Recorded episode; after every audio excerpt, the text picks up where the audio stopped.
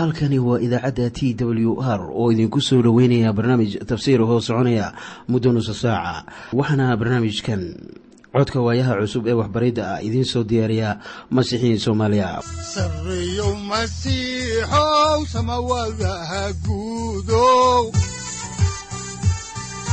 Siraadkii adduunkow subanaha eebow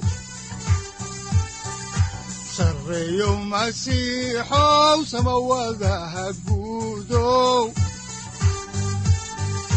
siraadkii adduunkow subanaha eebow adigoo samada jiro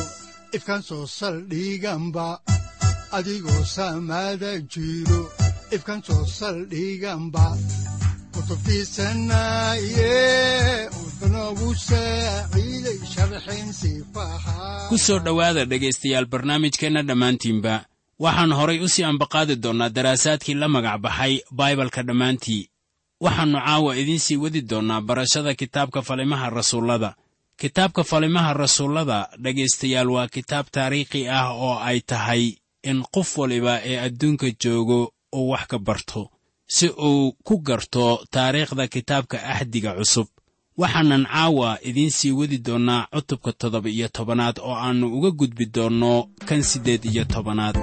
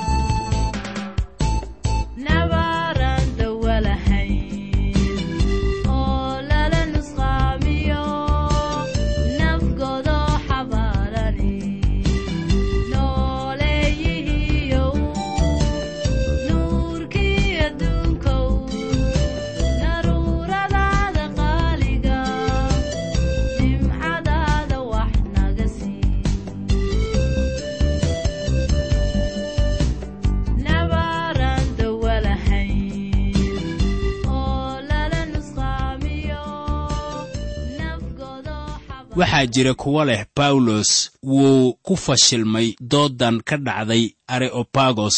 Haddaba taasu run ma ahan oo waxaan rumaysanahay in khudbadda aad dhowaan maqli doontaan inay ahayd tii ugu qiimaha iyo qaayaha weyneyd ee uu dadka ku wacdiyey. Haddaan markii ugu horraysay caawa idiin bilowna xigashada kitaabka oo aan eegno kitaabka falimaha rasuullada cutubka toddoba iyo tobanaad aayadda laba-iyo labaatanaad waana baalka laba boqol laba iyo afartan ee axdiga cusub waxaa qoran sida tan. Markaasaa bawlos oo areobagos dhex taagan wuxuu yidhi nimankiinnan reer atenai ahow wax kasta waxaan idinku garanayaa inaad tihiin kuwa ilaahyada ka cabsada. Wuxuu farriintiisa ku bilaabay habtoosan markaasoo uu lahaa nimankiinnan reer atenai ahow wuxuuna raaciyey waxaan idinku garanayaa inaad tihiin kuwa ilaahyada ka cabsada haddaba reer atenai waa kuwa lagu yaqaanno diimaha iyo sida ay asnaamta u kala meeleeyaan.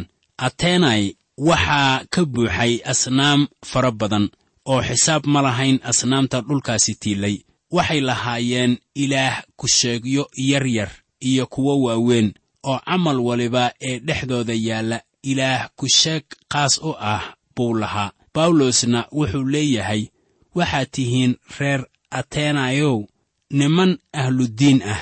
Waxaa jira dad badan oo reer galbeed ah oo wax iska weyddiiya waxa ay dalalka shisheeye u aadaan oy warka uga soo wacdiyaan. Waxay ku doodayaan kuwa su'aalaha weydinaya. Maxaynu ugu tegaynaa dadkaasi waayo waxay leeyihiin diimo u gaar ah. Marka ay sidaan tahay ayaan hubaa in su'aal caynkaas ah la weyddiiyey bawlos markii uu ku soo socday atenis oo waxaa lagu lahaa war miyaadan ogeyn in griigtu ay leeyihiin diimahooda u gaarka ah. Markaasaa laga yaabaa in bawlosna uu ku jawaabo taas iyagay dhibtaa waa diimahooda badane waxaa jira dad badan oo ay la tahay in diini ay keenayso badbaado. Diintu waxay keentaa xeerar kuwaasoo aalaaba aan la dhowri karin. Markaana dadka qaar ayay la tahay inay xajinayaan sharciyadaas oo markaana ay ka quduusan yihiin dadka kale. Laakiin runtu waxay tahay inayan arkaynin masiixa haddii ay xeerarkooda ku sii dhegganaadaan waxaa hubaal ah in dadka oo dhammiba ay dembaabeen oo ay gaari waayeen ammaantii ilaah. Sababtaas aawadeed ayaa laynoo keenay ciise masiix waana sababta uu bawlos u imaanayo atenis dadka reer atenai waxay u baahnaayeen inay maqlaan farriinta ku saabsan injiilka. Waxaadse ogaataa in markii bawlos uu yimid atenis aannu aadin sunagoga maxaa wacay? Meeshuba inaanay sunagoog lahayn baa laga yaabaa. Mana jirin meel uu dadka yuhuudda ah iyo kuwa aan yuhuudda ahaynba kaga soo bilaabo wacdiskiisa. Wuxuuna markaasi sidaan aragnayba uu ku bilaabay khudbadiisii nimankiinna reer ateenayow markii uu u sheegay inay yihiin niman ahludiin ah ayuu horay uga sii socday oo wuxuu yidhi sida ku qoran cutubka toddoba iyo tobanaad aayadda saddex iyo labaatanaad sida tan. Waayo markaan soo socday oo aan arkay waxyaalaha aad caabuddaan waxaan soo arkay oo kale meel allabari oo lagu qoray. Waxaa leh ilaah aan la aqoon. Haddaba waxaad aqoonla'aanta ku caabuddaan ayaan wax idinka sheegayaa. Wuxuu bawlos leeyahay waxaan arkay waxyaalaha aad caabuddaan wuxuu arkay mid ka mid ah asnaamta ay caabudaan. Bilxaqiiqa barthenon wuxuu ahaa macbud loo dhisay thena oo ahayd ilaahad ku sheegtii ay caabudi jireen reer atenes. Waxaa markaasi halkaasi dhoobnaa asnaam fara badan. Bawlosna wuxuu yidhi waxaan soo arkay meel allabari oo lagu qoray. Waxaa leh ilaah aan la aqoon. Haddaba marka aynu halkan ku arkayno meeshan allabari ee ay u dhiseen ilaaha aan la aqoon ayaa muujinaysa in reer atinai ay ahaayeen dad fikraddoodu baahsan yihiin oo aan meel keliya ku ekeen ama lagu guntin markaana qof waliba oo qallaad ayaa imaan kara macbudkaasi oo caabudi kara ilaahan aan la aqoonin. Iyadoo qofkaasina uu odhan karo ilaahan qallaad waa kaagii waayo adiguba waxaad tahay nin qallaad. Waxaa kaloo la odhan karaa waxay fahmeen inuu jiro ilaah kaasoo ayaan garanaynin bulsho badan oo juhalo ahayd ayaa lahaa dhaqan ah inuu jiro ilaah nool oo dhab ahaan ilaah ah laakiin iyagu waxba kama ayan aqoonin ilaahaas. Mana ayan garanaynin sida loogu yimaado. Waxay lahaayeen dhaqan fog oo ahaa in ilaahaas ay caabudi jireen kuwii ay ka soo farcameen. Markaana reer atenes haatan waxay leeyihiin dhaqankaas ah inuu jiro ilaah dhab ah oo ayan waxba ka garanaynin. Haddaba bawlos wuxuu hadalka uga bilaabayaa ilaahan ayan garanaynin oo uu uga dhigayo halka farriintiisa sal u ah. Wuxuu markaasi bawlos leeyahay waxaan doonayaa inaan idinkala hadlo wax ku saabsan ilaaha aydnaan garanaynin. Marka uu sidaas leeyahay ayaad mooddaa inaanay ahayn hadal siyaasad ahaaneed oo loogu soo dhowaanayo iyaga waayo waxay reer atenes la ahayd inay wax badan ka garanayaan ilaahan ayaan garanaynin iyo dunida oo dhan dadkii badnaa oo filosofiyiinta ahaa ayaa isku yimid oo dooddii la jeexjeexay bawlos isla sida filosofiyiinta maanta ay yihiin. Iminka bawlos wuxuu ku bilaabayaa inuu kala hadlo ilaahan ayaan garanaynin. Haddaba yuu yahay ilaahan ayaan garanaynin. Marka waa ilaaha abuuraha ah. Haddaan doodda bawlos horay idinku sii wado ayaa wuxuu leeyahay sida ku qoran kitaabka falimaha rasuullada cutubka toddoba iyo tobanaad aayadda afar iyo labaatanaad sida tan. Ilaaha sameeyey dunida iyo waxyaalaha ku jira oo dhanba oo ah rabbiga samada iyo dhulka ma deggana macbudyo gacmo lagu sameeyey. Ilaah wax waliba wuu caddeeyey markaan eegno axdigii hore. Weliba markii uu reer banu israa'iil siiyey qaabka macbudka loo samaynayo ka hor ayaan arkaynaa inaannu degganayn meel uu leeyahay oo u gaar ah laakiin wuxuu joogay meel waliba isku wakhti. Sulaymaanna wuxuu taasi ku sheegayaa markii uu ilaah hor yimid ee macbudkii la diyaariyey. Sida ku qoran kitaabka koowaad ee boqorradii cutubka siddeedaad aayadda toddoba iyo labaatanaad ee baalka afar boqol kow iyo afartan ee axdigii hore. Waxaana haddii aan idiin akhrinno qoran sida tan haddaba ma dhabba in ilaah dhulka uu degganaan doono xataa samada iyo samooyinku kuma qaadi karaan. Haddaba gurigan aan dhisay sidee buu ku qaadi karaa? Haddaan horay idinku sii wado xigashada kitaabka ayaannu eegaynaa kitaabka falimaha rasuullada cutubka toddoba iyo tobanaad aayadda shan iyo labaatanaad. Waxaa qoran sida tan gacmadadna looguma adeego sidii isagoo wax u baahan. Maxaa yeelay dhammaan isagaa siiya nolosha iyo neefta iyo wax walbaba. Halkan si la yaqaan buu ula hadlay filosofiyiinta asnaam caabudka ah. Wuxuu ku yidhi ilaah waxba idinkama baahna. Waxaad u dhisteen allabari oo waxaad isku dayaysaan inaad quudisaan. Waxay haddaba ilaahan ayan aqoon u muujinayeen inay dani ka hayso garashadiisa. Bawlos wuxuu leeyahay ilaah waxba idinkama baahna. Ilaah isagaa wax waliba abuuray oo noloshana isagaa idiin siiya. Wuxuu kaloo idiin siiyaa buu yidhi neefta nolosha waxaa halkan ku qoran wuxuu idiin siiyaa qorraxda dayaxa iyo xiddigaha iyo wax waliba. Bawlosna wuxuu leeyahay qorraxdu waa shay ilaah sameeyey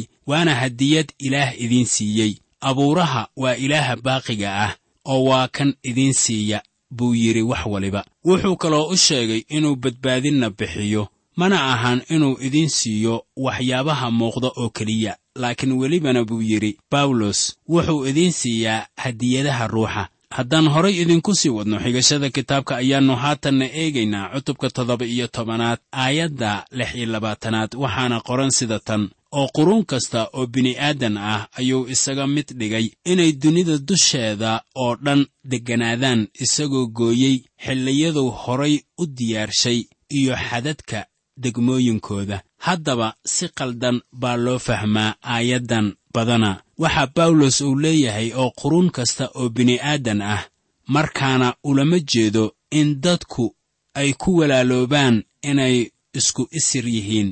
Waxaase uu ka wadaa inay hal xidid ka soo jeedaan markaana halkaasi looga hadli maayo walaalnimada bini'aadanka. Waxaase looga hadlayaa walaalnimada kuwa masiixa raacsan. Waxaanse ku darsan lahaa inay jirto in dembiga lagu walaaloobo. Innaga oo dhan waxaynu nahay dembiilayaal. Haddaba marka bawlos uu leeyahay isagoo gooyey xilliyaduu horay u diyaarshay iyo xadadka degmooyinkooda ayuu ku hadlay hadal tacajub leh. Markaana ma ahan oo keliya ilaaha abuuraha ah iyo kii dadka abuuray laakiin waxaa xiise leh inuu isagu yahay kan sohdimaha quruumaha dhigay. Nin masiixa ah oo wacdiye ah ayaa laga qoray inuu yidhi waxaan leeyahay dhakhtar ku takhasusay kansarka. Wuxuuna ii sheegay inaan iska ilaaliyo qorraxda badan waayo waxaan ahay reer yurub kuwooda namuunkoodu yahay broniher oo jidhkooduna jilicsan yahay waxaa markaasi ay u muuqataa wax caafimaad ahaan macquul ah in ilaah u geeyo dadka madow. Meel qorraxdu ay ku badan tahay. Waayo dadka madow way u adkaystaan qorraxda laakiin buu yidhi kuweenna maqaarkoodu uu khafiifka yahay. Wuxuu ina keenay dhulka xaggiisa waqooyi si aynu kaga badbaadno in qorraxdu jidhkayaga ay wax yeesho. Ilaah waa midka gooyey sohdimaha kuwa uu abuuray oo dhan wax welibana wuxuu geeyey deegaankooda. Markaana waxaa xiise leh in waxyaabaha keenay dagaallada ay yihiin in qurumaha ay joogaan halkii ilaah uu ugu tala galay waxaase ay doonayaan inay qaataan dhul qof kale uu leeyahay. Waxyaabahaas oo kale ayaa dhaliya dagaallada aynu hadalkiisii ku soo koobno wacdiyahan maraykanka ah. Intaasi haddaan horay idinku sii wado xigashada kitaabka ayaa waxaa ku qoran aayadda toddoba iyo labaatanaad sida tan. Inay ilaah doondoonaan in hadday suurtoodo ay haabhaabtaan oo ay helaan isaga inkastoo uusan ka fogayn midkeen kasta. Weedhan ah in hadday suurtoodo ay haabhaabtaan ayaa u dhigmaysa in la doondoono ilaah.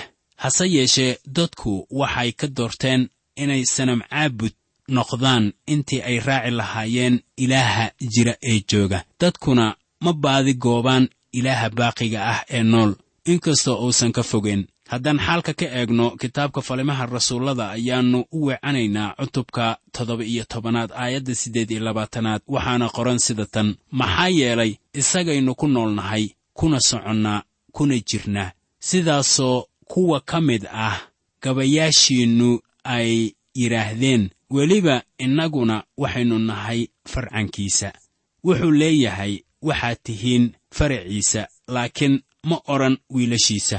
Wuxuu marka uu sidaas leeyahay soo xiganayaa abuuristii iyo sida ilaah ay dadkoo dhammiba ugu xidhan yihiin markay maaddadu joogto abkow aadan. Hase yeeshee wuxuu leeyahay ilaah waa kan aynu ku noolnahay ama nolosha ina siiya oo nafteenna haya oo aan ku ekayn carshigan oo keliya. Markaana bawlos wuxuu soo xiganayaa gabayaashooda kan uu soo xigtayna wuxuu ahaa arastas oo noolaa labaatan sannadood ka hor dhalashadii ciise masiix. Wuxuu ahaa gabaygaasu dariiqa isto'ikiinta oo ahaa reer kilikiya. Wuxuu tiriyey gabay baryootan ah oo uu hor dhigay ze'us oo ahaa kan ay rumaysnaayeen inuu ahaa ilaah oo wuxuu yidhi gabaygaasu innagu waxaynu nahay farcankiisii. Gabyaa kale oo gariig ah ayaa gabay u tiriyey ku leh waxaynu nahay farcankiisii ama kii ilaah. Waxaa bawlos uu ula jeedaa marka uu soo xiganayo inaynu nahay abuuristii ilaah. Waxaan horay idinku sii wadi doonnaa xigashada kitaabka oo waxaannu iminkana eegaynaa cutubka toddoba iyo tobanaad aayadda sagaal iyo labaatanaad. Waxaa qoran sida tan haddaba innagoo ah ilaah farcankiis waa inaynan ka fikirin in ilaahnimadu ay la mid tahay dahab ama lacag ama dhagax oo lagu xardhay sancada iyo farsamada dadka. Marka dhanka kale laga eego wuxuu leeyahay ma ahan inaynu noqonno kuwa asnaamta caabuda wuxuuna u muujinayaa in ilaah uu yahay abuuraha samada iyo dhulka. Iminka wuxuu iyaga u horkeenayaa sida bixiyahooda. Haddaan horay idinku sii wadno xigashada kitaabka ayaannu eegaynaa kitaabka falimaha rasuullada cutubka toddoba iyo tobanaad aayadda soddonaad. Waxaana qoran sida tan haddaba wakhtiyaashii aqoonla'aanta ilaah baa dhaafay laakiin hadda wuxuu dadka ku amrayaa in dhammaantood meel kastaba ha joogeene ay soo toobad keenaan. Waxaa jiray wakhti ilaah uu ka jeediyey indhihiisa qabiilooyinka karaahiyada ah. Iminkana iftiin baa dunida yimid oo ilaah wuxuu weyddiisanayaa dadka meel kasta ee ay joogaanba inay isaga u soo leexdaan. Waxaan markaasi idinku leeyahay iftiinku wuxuu keenaa mas'uuliyad. Ilaahna wuxuu dadka oo dhan meel waliba ha joogeene uu ku leeyahay toobadkeena. Wuxuu haddaba dadka ugu muujiyey in ilaah uu ahaa abuuraha beri hore iminkana uu yahay bixiyaha. Mustaqbalkana wuxuu noqonayaa xaakinka dadka. Iminka waxaannu idiin akhriyaynaa kitaabka falimaha rasuullada aayadda kow iyo soddonaad waxaana qoran sida tan. Maxaa yeelay wuxuu dhigay maalin uu dunida si xaq ah ugu xukumi doono ninkuu doortay taasoo uu dhammaan ugu caddeeyey sarakicidda uu isagii ka soo sarakiciyey kuwii dhintay.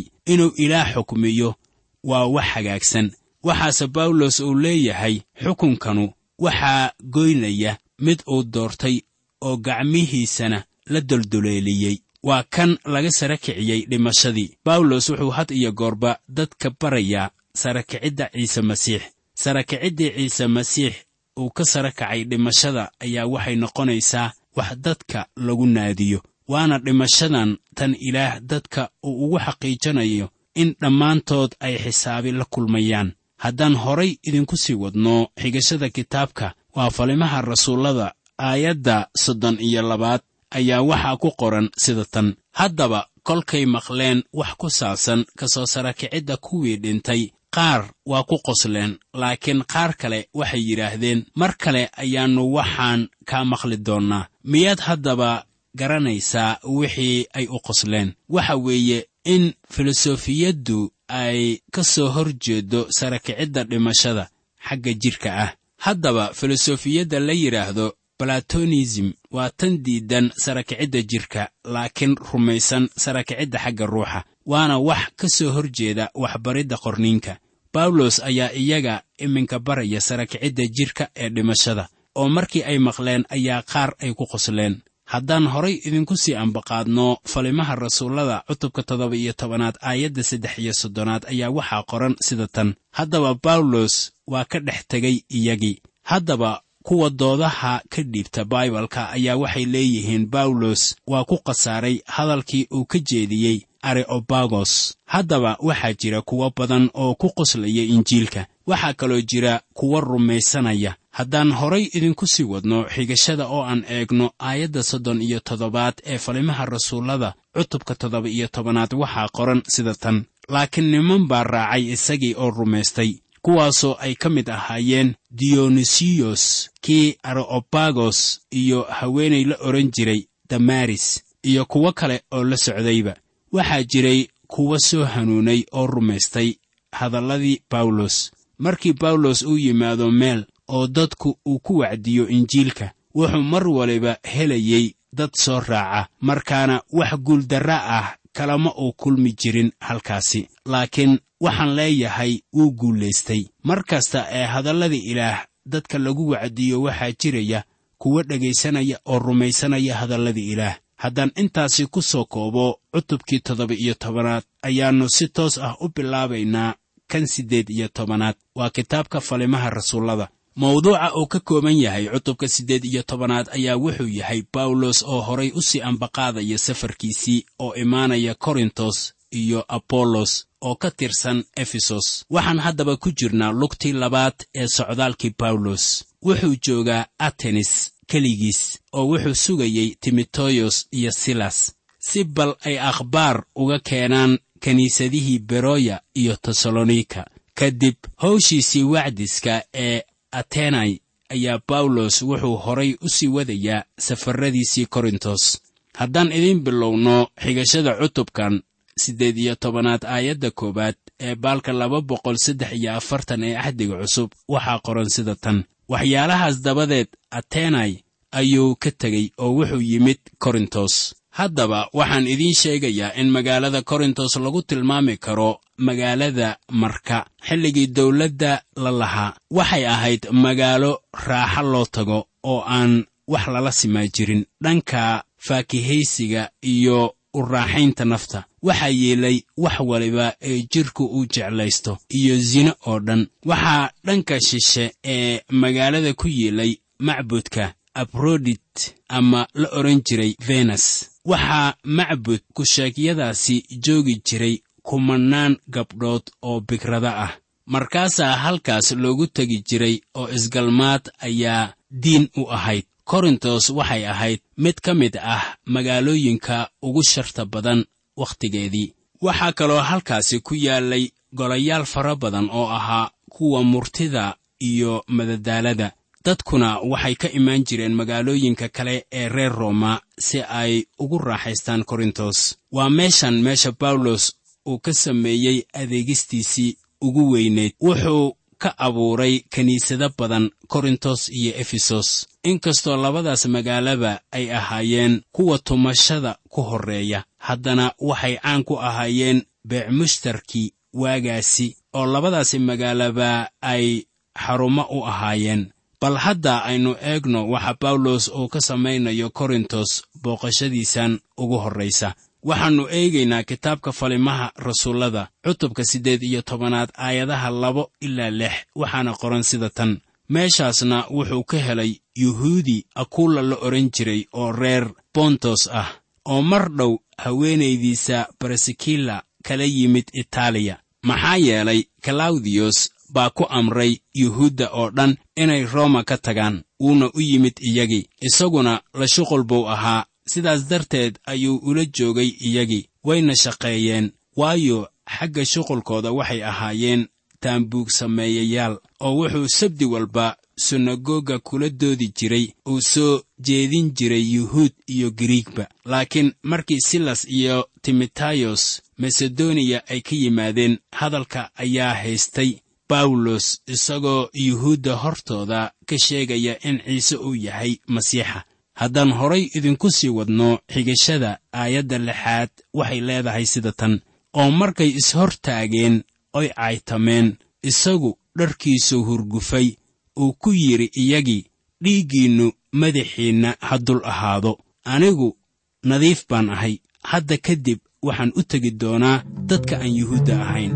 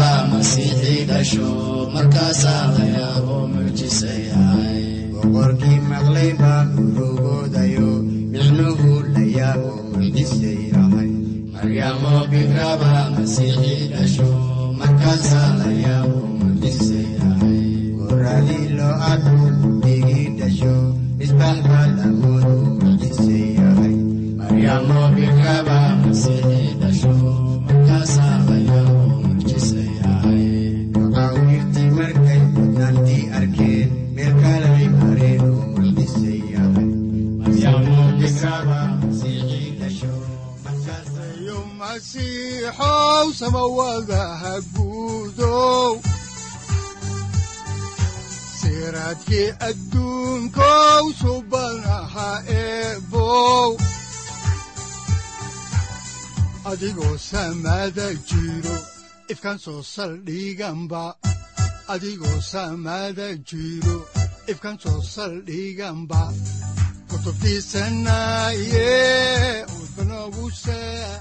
halkani waa t w r idaacadda t w r oo idinku leh ilaa ha idin barakeeyo oo ha idinku anfaco wixii aad caawi ka maqasheen barnaamijka. Waxaa barnaamijkan oo kalea aad ka maqli doontaan habeen dambe. Hadahan oo kale haddiise aad doonaysaan in aad fikirkiina ka dhiibataan wixii aad caawi maqasheen ayaad nagala soo xiriiri kartaan som t w r at t w r c o k e haddii aad doonaysaan in aad dejiisataan oo kaydsataan barnaamijka ama aad mar kale dhegaysataan fadlan mar kale booqo www t w r o r g amase www t t b t w r o r g amase waxaad teleefoonkaaga ku kaydsataa ama ku download garaysataa agabyada ku sahli karaa dhegeysiga t w r haddii aad doonayso in laga kaalmeeyo dhinacyada fahamka kitaabka amase aad u baahan tahay duco fadlan fariimahaaga soo mari bogga aaraahda ama kommentska inana jawaab degdeg ah ayaanu ku soo diri doonaa amase ku siin doonaaye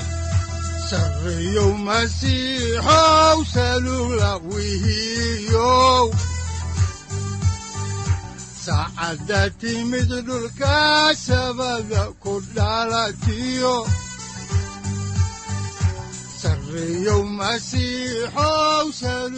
halkani waa t w r oo idiin rajaynaya habeen baraare iyo barwaaqaba leh.